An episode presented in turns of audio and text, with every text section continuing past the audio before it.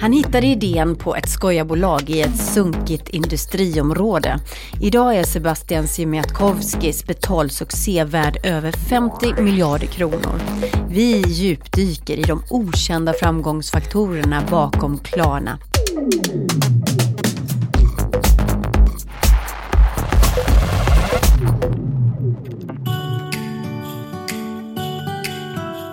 Välkommen till Breakits podcast. Jag heter Katarina Andersson och i år så levererar Breakit julklapparna tidigt. De närmaste veckorna så kör vi fyra spännande specialavsnitt här i poddflödet signerade Jon Mano Pettersson och Erik Wisterberg. Våra prisbelönta kollegor har ju nyligen gett ut boken Sveriges nya miljardärer där de porträtterar guldkalvarna i den nya digitala ekonomin. De har träffat en hel radda med de mest intressanta entreprenörerna. Vad är egentligen förklaringen till Sveriges största techsuccéer? Den frågan ska vi svara på i den här poddserien som vi kallar just för Bakom framgången. Det handlar om bolag som Spotify, Paradox och Apotea men allra först ut är Klarna och deras mytomspunne grundare Sebastian Siemiatkowski. Allt börjar med en unik idé, eller? Idag så ska du få höra sanningen om Klarna och jag lämnar med varm hand över till Jon och Erik.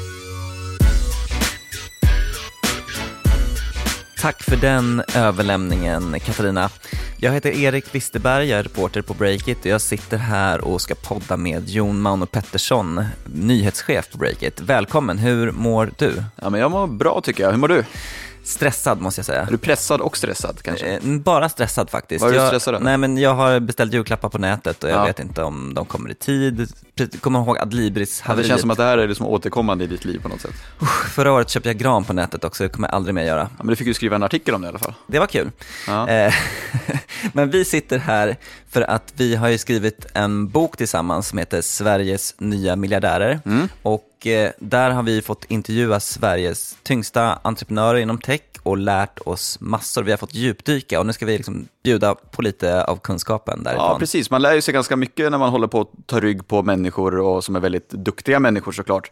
Och allt får inte plats i en bok, utan boken har ju handlat lite mer om dels att lära känna dem, men också olika trender och hur den nya ekonomin fungerar, kanske man ska säga, och vinnare och förlorare i den här breakit-världen som vi egentligen sammanfattar i bok, kan man säga. Mm, Eh, det handlar ju mycket om de här personerna, alltså de här Ja. eh, superentreprenörerna som Daniel Ek och Sebastian Siemiatkowski. Men i den här podden Mm. så ska vi ge oss på ett eh, litet kamikaze-uppdrag, tänkte vi väl. Ja, ja, det är egentligen en ganska dum idé nästan. Att vi, ska, vi ska ju fånga upp liksom den enskilt, den enda, den viktigaste faktorn som ligger bakom framgången på en rad olika bolag. Ja, vi sa ju det nu, att vi ska, vi ska, lyfta, vi ska lyfta fram en enda faktor. Ja, och det, det går ju inte. Nej, det finns ju många faktorer bakom alla bolag. Men eh, vi tycker ändå att det finns eh, kring de här bolagen som vi har valt ut, eh, Klarna, Spotify, Paradox med flera, så finns det lite så här okända bitar som man faktiskt kan peka på som har gjort att just de lyckas. Så vi ska gå igenom de här i den här poddserien bakom framgången. Först ut är det ständigt aktuella betalbolaget Klarna. Mm, ständigt aktuella får man verkligen Ja, säga. Vad är din relation till Klarna? Ja, men jag, jag tycker om Klarna måste jag säga. Jag tycker det är smidigt att betala på nätet med ett klick. Det är Ja. smooth. Jag, jag, har köpt hela marknadsföringen. Jag tänker att Jag- man, liksom, det, det, Klarna är till för de som köper grejer som man inte har råd med, eller? Ja, ja, men jag vet inte om jag, jag kanske passar in där, jag vet inte. Men jag tycker det är smidigt i alla fall. Så jag gillar Klarna i grunden. Jag tycker Klarna det är en kul berättelse också. Det är en häftig story, liksom hela hur det började och ja, grundarna bakom och så. Det, det finns väldigt många ingredienser i den historien. Ja. Ofta pratar man mycket om Spotify och Daniel Ek och hans resa och så där, men Sebastian Siemiatkowskis resa är också väldigt fascinerande. Ja, det är verkligen en Askunge-saga det där. Men vi ska backa bandet lite grann här och ge ett snabbt intro till Klarna. Då. Eh, historien om de tre grundarna Sebastian, Niklas och Viktor, de fann ju varandra på Handels och började by- bygga Klarna. Det här är en ganska välkänd story över den här laget. Men de knäckte ju faktiskt koden kring hur folk skulle våga handla på nätet. Det låter lite sjukt idag. Ja, det låter ju väldigt sjukt, men eh, det är knappt att man minns det själv faktiskt. Men så var det ju ändå. Man vågade inte beställa, man ville inte ge ut sina uppgifter på nätet kanske, för man var osäker på vad som skulle hända med dem. Och ja, folk drog sig för att köpa saker på nätet och distans helt enkelt. Mm. Och I boken går vi in på massa liksom härliga okända karameller kring Klarna. Vi berättar om hur fem datanördar fick nästan en tredjedel av Klarna för att koda ett halvår och eh, sen drog, vilket blev... En sjuk story. Ja, det blev en konflikt om det och hur de faktiskt sen sumpade den här kanske tech-Sveriges bästa räkmacka genom tiderna, alltså chansen att bli mångmiljardärer på sina aktier i Klarna.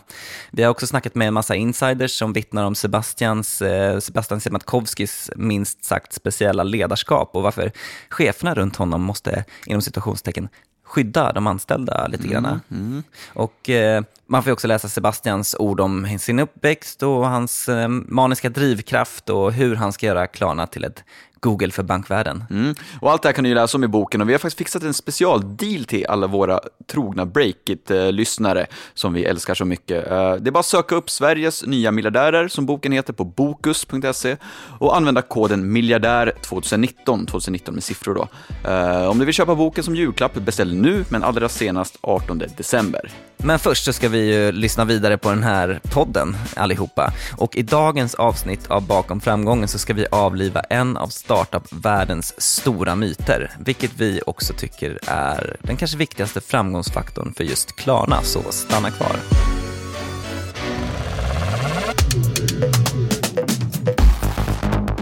Tjenare! Stefan Lundell här på Breakit. Det lackar ju mot jul, det har väl inte undgått någon och då har veckans poddsponsor Miss Hosting ett tips på en eh, julklapp som faktiskt räcker hela året.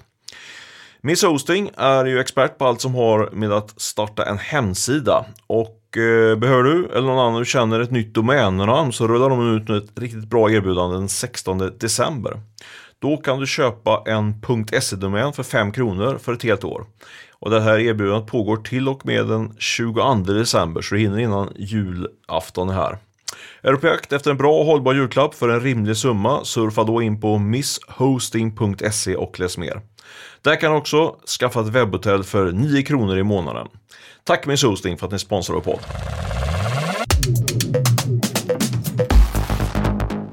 Välkomna tillbaka. Vi snackar om Sebastian Siemiatkowski, Klarna-grundaren i podden Bakom framgången. Och eh, när jag intervjuade Sebastian så snackade vi faktiskt om hans allra första jobb, där idén till Klarna också hittades. Så här berättade han när vi färdades tillbaka i tiden. Här, och då åkte jag ut och då, alltså, när man kommer in i Uppsala precis där liksom motorvägen kommer in så finns ett industriområde. Liksom. Mm. Och där finns det en sån gigantisk cementblandare du vet, sån som är som typ 20 meter hög eller vad det är. Liksom. Och bakom den så fanns det en ingång till en sån här sjukt tråkig, alltså riktigt så här sunkig kontorsfastighet. Eh, och då kom jag in där och då sitter Magnus Fredin då, eh, som jobbade där som försäljningschef då. Han sitter där och intervjuar mig liksom. Och då har han dessutom även bytt precis. Så att han, han berättar för mig att nej, men det är ren provisionsbaserat. Det är liksom ingen, ingen fast intäkt mm. överhuvudtaget. Men jag hade jobbat som telefonsäljare innan och så, här, så att jag är så här, ja men fan, nej, skitsamma liksom. Jag fick jobbet, jag kör liksom. Ja, det där är Sebastian Siemiatkowski som berättar om hur han hoppade på Sveriges kanske tråkigaste jobb säljare av inkasso och kundrestkontratjänster på Acme. Ett företag som senare faktiskt skulle krascha under ett pyramidspelsliknande upplägg. Lite av en thriller i sig det där. Ja, det är kanske inte det man drömmer om riktigt när man tar ett sabbatsår från Handels. Jag är själv Uppsalabo och Sebastian har berättat att det här låg i ett av industriområdena i Uppsala. Jag vet hur det ser ut där ungefär. Är det lite deppigt eller? Ja, det beror på vad man tycker om i livet, men jag tror inte det är det man drömmer om när man går på Handels. Men varför lyssnar vi på just detta klipp? Ja, men nu ska vi en gång för alla avliva en seglivad myt. Många går ju och drömmer om att hitta den där liksom unika idén, att det är just idén som ska göra dig till en succéentreprenör. Och då vill jag säga en liten trumvilver. Mm. Det handlar ju inte om det. Nej, exakt, utan det handlar om... Genomförandet såklart. Just det, det låter ju nästan lite tråkigt och klyschigt, men så är det ju faktiskt. Det är, liksom, det, är det som riskkapitalisterna och entreprenörerna ofta pratar om när man eh, liksom pratar om liksom varför vissa blir framgångsrika och sådär. Att det är inte idén det handlar om, utan det är genomförandet. Och ett exempel, Spotify, liksom idén om att strömma musik, den, det var ju en ganska enkel idé egentligen. Det är klart att alla ville liksom slippa ladda hem musiken, men extremt svårt att genomföra, såklart. Men eh, det lyckades ju Daniel och Martin med, Spotify-grundarna då. Ja, men och det är ju så. De mest rutinerade investerarna de tittar ju ofta på grundarna. Har de liksom verkligen det som krävs för att ha en chans att bygga något stort? Och just fallet Klarna, där var idén faktiskt långt från unik. Eh, Sebastian hittade ju den faktiskt just på Acme, där han jobbade på det här kontoret i industriområdet som han berättade om. Han sålde i stort sett exakt samma tjänst som Klarna senare skulle lansera, alltså möjligheten för e-handlare att kunna skicka med en faktura istället för att låta folk knappa in sina kortuppgifter på internet då, som de inte riktigt vågade. Just det, och när vi gjorde research i den här boken då, då hittade vi ju till och med gamla foruminlägg liksom, där Acme och Klarna jämfördes. Och då var ju Sebastian, han var ju aktiv där i forumen och gav sig in i diskussionerna och skrev egna inlägg och liksom pitchade Klarna varför de var bättre. Ja, han, han, jag tror han skrev att det var som en liknande men givetvis bättre tjänst. Givetvis. eh, Eller något sånt där. Ja. Eh, Men, men han, eh, han var ute och fäktades på internet helt enkelt för att vinna in kunder. Och det där är ju viktigt, för bland vissa tech-entreprenörer finns det ett liksom, tankesätt som man kan sammanfatta, if we build it, they will come. Alltså om man bara bygger en tillräckligt bra produkt så kommer det ordna sig. Att jobba med sälj kanske inte känns lika kul. Nej. Men det är ofta det som det handlar om i början. Att när du har en produkt, även om den är långt från fulländat, så gäller det att ut och testa den på marknaden. Och det handlar ju om att sälja. Och det här visste ju Sebastian efter sin tid som telefonförsäljare på Sveriges tråkigaste jobb. Just det, men det med genomförande, det kan ju vara väldigt mycket tänker jag ändå någonstans. Liksom, vad var det som var speciellt med just Klarnas genomförande som kanske skiljer sig från, eller varför blev just Klarna framgångsrik? menar du? Ja, men dels har de gjort någonting av en deal eller överenskommelse med sin första investerare, Jane Valerud. Och de skulle jobba dubbelt så mycket som liksom vanliga människor för att väga upp för sin brist på erfarenhet. Så där hade de lite självinsikt, att de visste att de hade faktiskt inte eh, så mycket att komma med där eh, från tidigare meriter. De förde också någon slags bok över hur många timmar de jobbade och de jobbade jämt och ställde sina skärmar så att alla tre kunde se varandra så att ingen skulle slöa och sen så framförallt så sålde de. Då. De fick ju in Jarno Vanatapios Nelly som första kund och sen så var de liksom ute och tjatade som Sebastian eh, sa det själv, på varenda e-handlare i hela Sverige. De åkte liksom runt med bil och sålde. Så det var egentligen att de, de hade en idé som var bra, men idén fanns på andra ställen, men de valde redan tidigt att liksom lägga in den här extra växeln och jobba hårdare och vara ute och kränga mer. Är det ungefär så man ska tolka det? Ja, och sen tror jag att ett, en nyckelfaktor var också att de kunde väldigt på ett bra sätt formulera vilket problem som Klarnas tjänst skulle lösa för e-handlarna. De gick ut och sa så här, typ, er försäljning kommer öka och vi tar hela risken. Det. Och det ska man inte underskatta, liksom, värdet av att kunna formulera det väldigt tydligt vad det är man kommer med till bordet. Men, och det är just, just det som det här tidiga säljet kan liksom validera eller hugga ner hela affärsidén. Och om man då ska vara lite smart så gäller det ut att testa, för att om man, om man ändå ska fallera med sin idé så är det bättre att göra det snabbt eh, än att hålla på och bygga någonting i tre år och sen se att det inte finns någon eh, liksom dragning på marknaden för det. Just det. Men med genomförandet, om vi bara hänger kvar lite vid det. eh, är det just att de, om vi ska peka på Klarna, varför just Klarna ändå blev så stora och bra, är det att de jobbar extremt hårt? För Sebastian är ju lite känd för det där med det hårda ledarskapet och det hårda jobbet.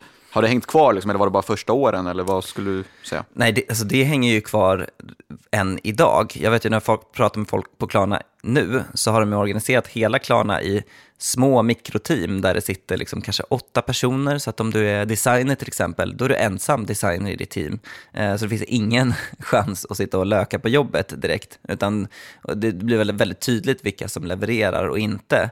Och ribban som Sebastian eh, i slutändan sätter är väldigt hög. Han säger ju att han vill bara ha med folk som vill spela i Champions League till exempel. Han drar ju ofta sådana här Zlatan-liknelser Ja, och sådär. exakt. Vad skulle hända med Zlatan om man hamnar i ett korplag och så. Och det är lite det som bokens kapitel också handlar om, just Sebastian Sebastkowskis ledarskap och ja, Klarna, hur de arbetar hårt, eller hur han ställer höga krav på sina medarbetare. Vilket ju har blivit en medial grej också, får man ju säga, inte minst på Breakit där vi har rapporterat ganska mycket om olika chefsavhopp och liknande. Men eh, vad skulle du säga, liksom, är Klarna är de unika idag, eller fortsatt liksom, att eh, de gör liknande saker som andra gör, bara att de gör det liksom bättre? Ja, men de har hela tiden försökt att eh, utveckla sig. När de hade bevisat den här modellen med fakturatjänsten så tog man ganska snart nästa kliv. Det som skulle bli en stor kassako, att låta folk köpa grejer som man inte har råd med, alltså delbetalning då. Just det.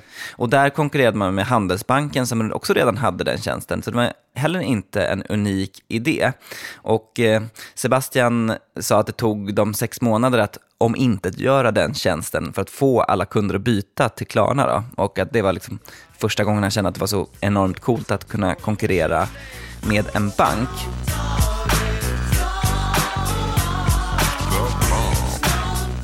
Det man verkligen ser att de håller på att revolutionera lite idag, det är ju hur man eh, liksom brandar upp ett sånt här betalbolag. Där har de ju verkligen, verkligen stuckit ut och tagit in Snoop Dogg och gjort hela Klarna rosa och allt är smooth. Mm. Och det är man ska spela på de här känsloargumenten istället för liksom vad produkten kanske egentligen är. Ehm, och det tycker jag skiljer ut Klarna. Då. Sen tror jag faktiskt att de skiljer sig eh, i att Sebastian har kvar den här liksom enorma drivkraften efter, vad är det, 14 år på Klarna. Mm. Eh, och att alla liksom, toppchefer som man rekryterar in köper in på det där att, att man ska liksom vara nästan besatta av Klarna. Exakt, han vill ju att det ska vara som sagt eh, Champions League, liksom det är högsta nivån när man ska brinna för det man gör. Och vi ska titta lite närmare på just Sebastian Siemiatkowski, Klarna-grundaren och även höra honom själv svara på om han själv skulle vilja ha sig som chef. Eh, missa inte det. Hejsan alla poddlyssnare, Stefan Undell är på Breakit. Den här veckan sponsras podden av Atea som är en elektronik och IT-partner till många växande bolag.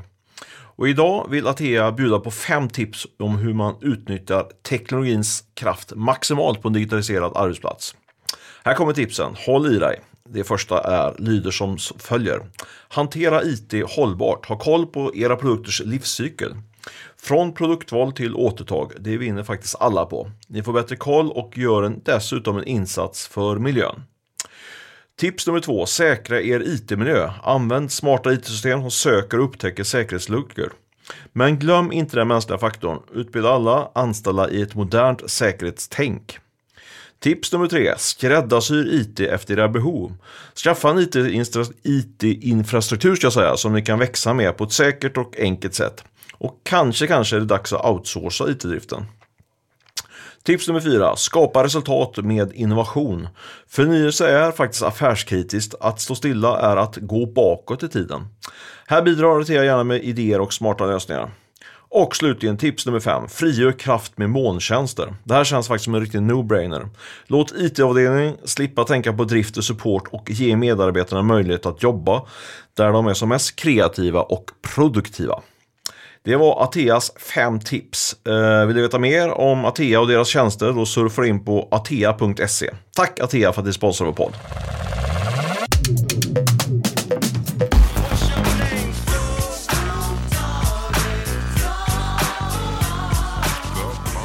Sebastian Siemiatkowski har rattat ett av Sveriges mest framgångsrika bolag från starten fram till idag. Och han är ju en visionär person, absolut. Men hans ledarstil har också fått kritik. Eh, och när jag träffade honom så var jag bara tvungen att ställa en fråga som jag har funderat på många gånger. Så här lät det. Skulle du eh, vilja ha dig själv som chef?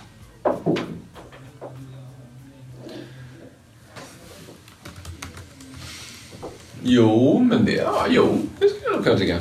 Mm. Det skulle jag nog kunna.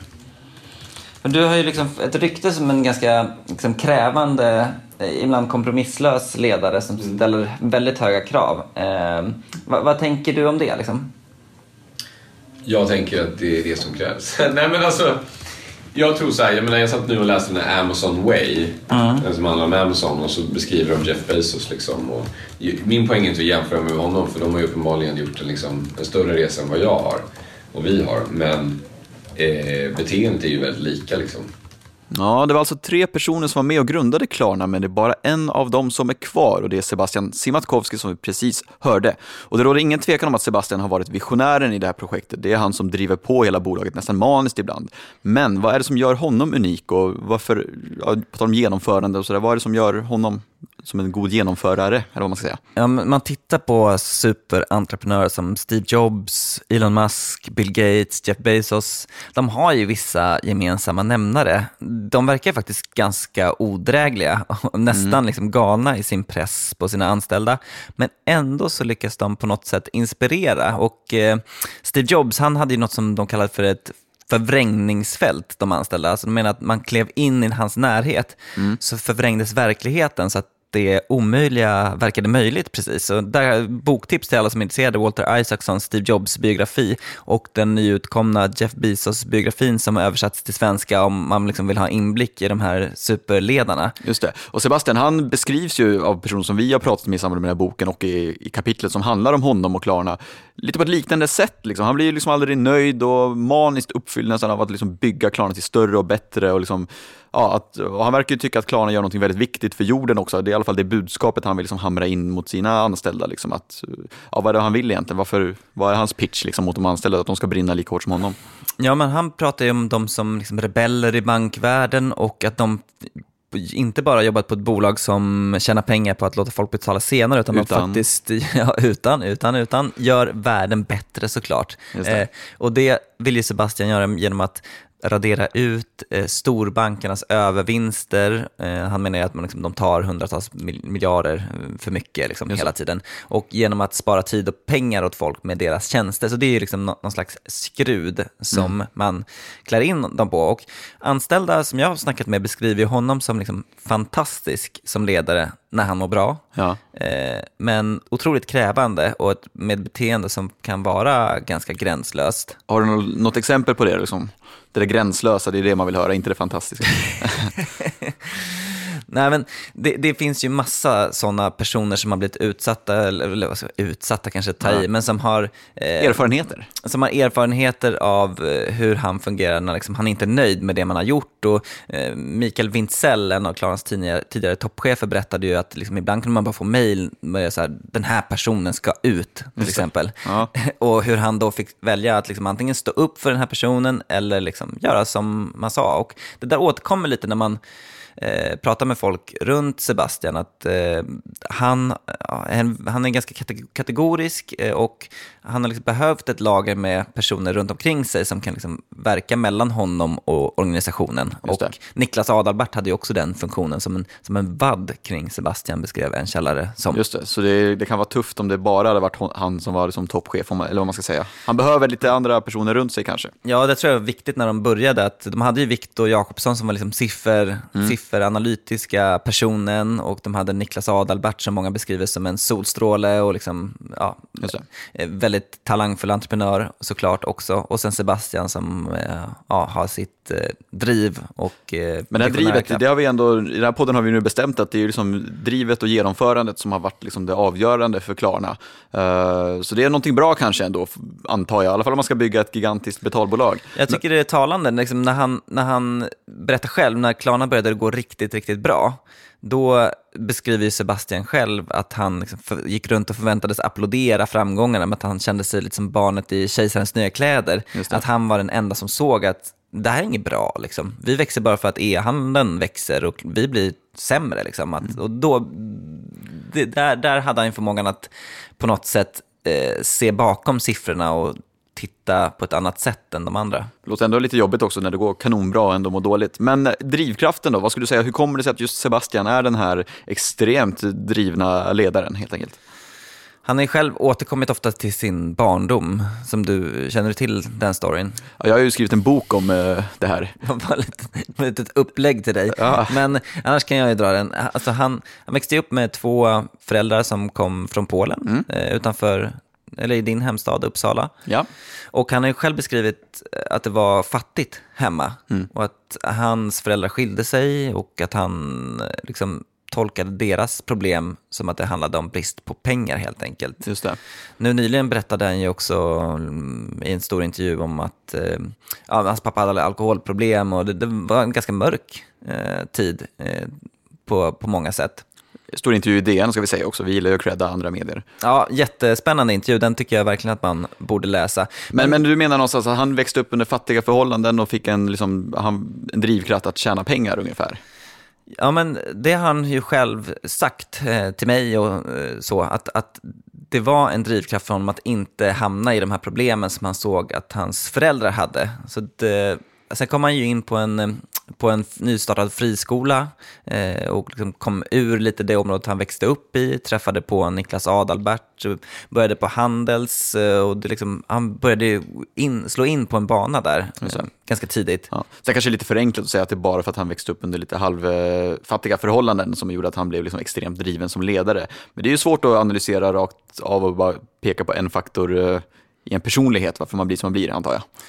Ja, men självklart, det finns ju säkert, eller om man får gissa, så finns det ju massa liksom medfödda egenskaper som gör att vissa är beredda att gå längre än andra för att uppnå sina drömmar och det kan man ju inte hitta alla svar på i en barndom. Ja, nu är vi ute på tunn is känner jag, så vi får nästan gå vidare här. Men liksom Sebastian, hans person, hans liksom starka personlighet och ledarskap och hårda krav på sina medarbetare, liksom, har han lyckats, i boken frågar vi oss, liksom, har han lyckats tack vare den här personligheten eller är det liksom trots den? För det finns ju massa baksidor såklart med att vara driven på det här sättet. Ja, nej, men det är ju folk som berättar att det är massa personer som har slutat på Klarna mm. på grund av Sebastian Siemiatkowski, men också väldigt många som har börjat jobba, duktiga människor som har börjat jobba där på grund av Sebastian Siemiatkowski. Så där får man nog bilda sig en egen uppfattning om. Och den som vill nörda ner sig i grundarna till bolag som Spotify, Klarna, Paradox får helt enkelt eh, man läsa boken Sveriges nya miljardärer. 400 sidor av ren njutning som Svenska Dagbladets recensent slukade glupskt. Det fick du in snyggt. Tack. Använd koden miljardär 2019 på Bokus så får ni poddlyssnare en fin deal på det. Vi har förstås med oss Kindred som sponsrar Breakits podcast denna vecka och jag som säger det heter Olle Aronsson, medgrundare till Breakit och Kindreds utvecklingschef Sören Törnlund är som så ofta med oss och du ska berätta om ert Accelerate-program. Vad är det för någonting? Accelerate är Kindreds traineeprogram. Eh, det här är första rundan och vi har tagit in 12 nyexade studenter till vår techavdelning. Eh, vi har varit igång nu i eh, två och en halv månad och programmet kör för fullt. Vi startade Accelerate som ett sätt att hitta yngre talanger och på ett bra sätt få in dem i våra team. Just det. Hur har det gått hittills då? Har det blivit någon, någon jackpot för att använda en spelterm? Hittills har det verkligen varit en jackpot. Efter eh, två veckors intro kring eh, vad Kindred gör och står för är deltagarna nu fullt delaktiga i teamen. Och vi har redan fler exempel på kod som är i produktion, buggar som fixats och nya lösningar som de har byggt. Eh, sen har deltagarna också byggt ett eget team mellan avdelningarna, vilket är toppen. På så sätt så får de kontakter över hela bolaget. Ja, ah, just det. De kan nästla sig in lite, lite varstans. Och, och vad är nästa steg för de här trainee-människorna? Eh, nästa steg för dem är att de, de kommer att bli eh, fullvärdiga medlemmar i, i våra team. Eh, och sen för Accelerate så kommer vi nu att påbörja rekryteringen för nästa års program och kommer att besöka högskolor hela vintern. Ja, men lycka till med det, verkligen. Får se om det är fler som är sugna på att börja jobba eh, i speltechbranschen. Tack så mycket Kindred och eh, Sören för att ni fortsätter vara med i podden.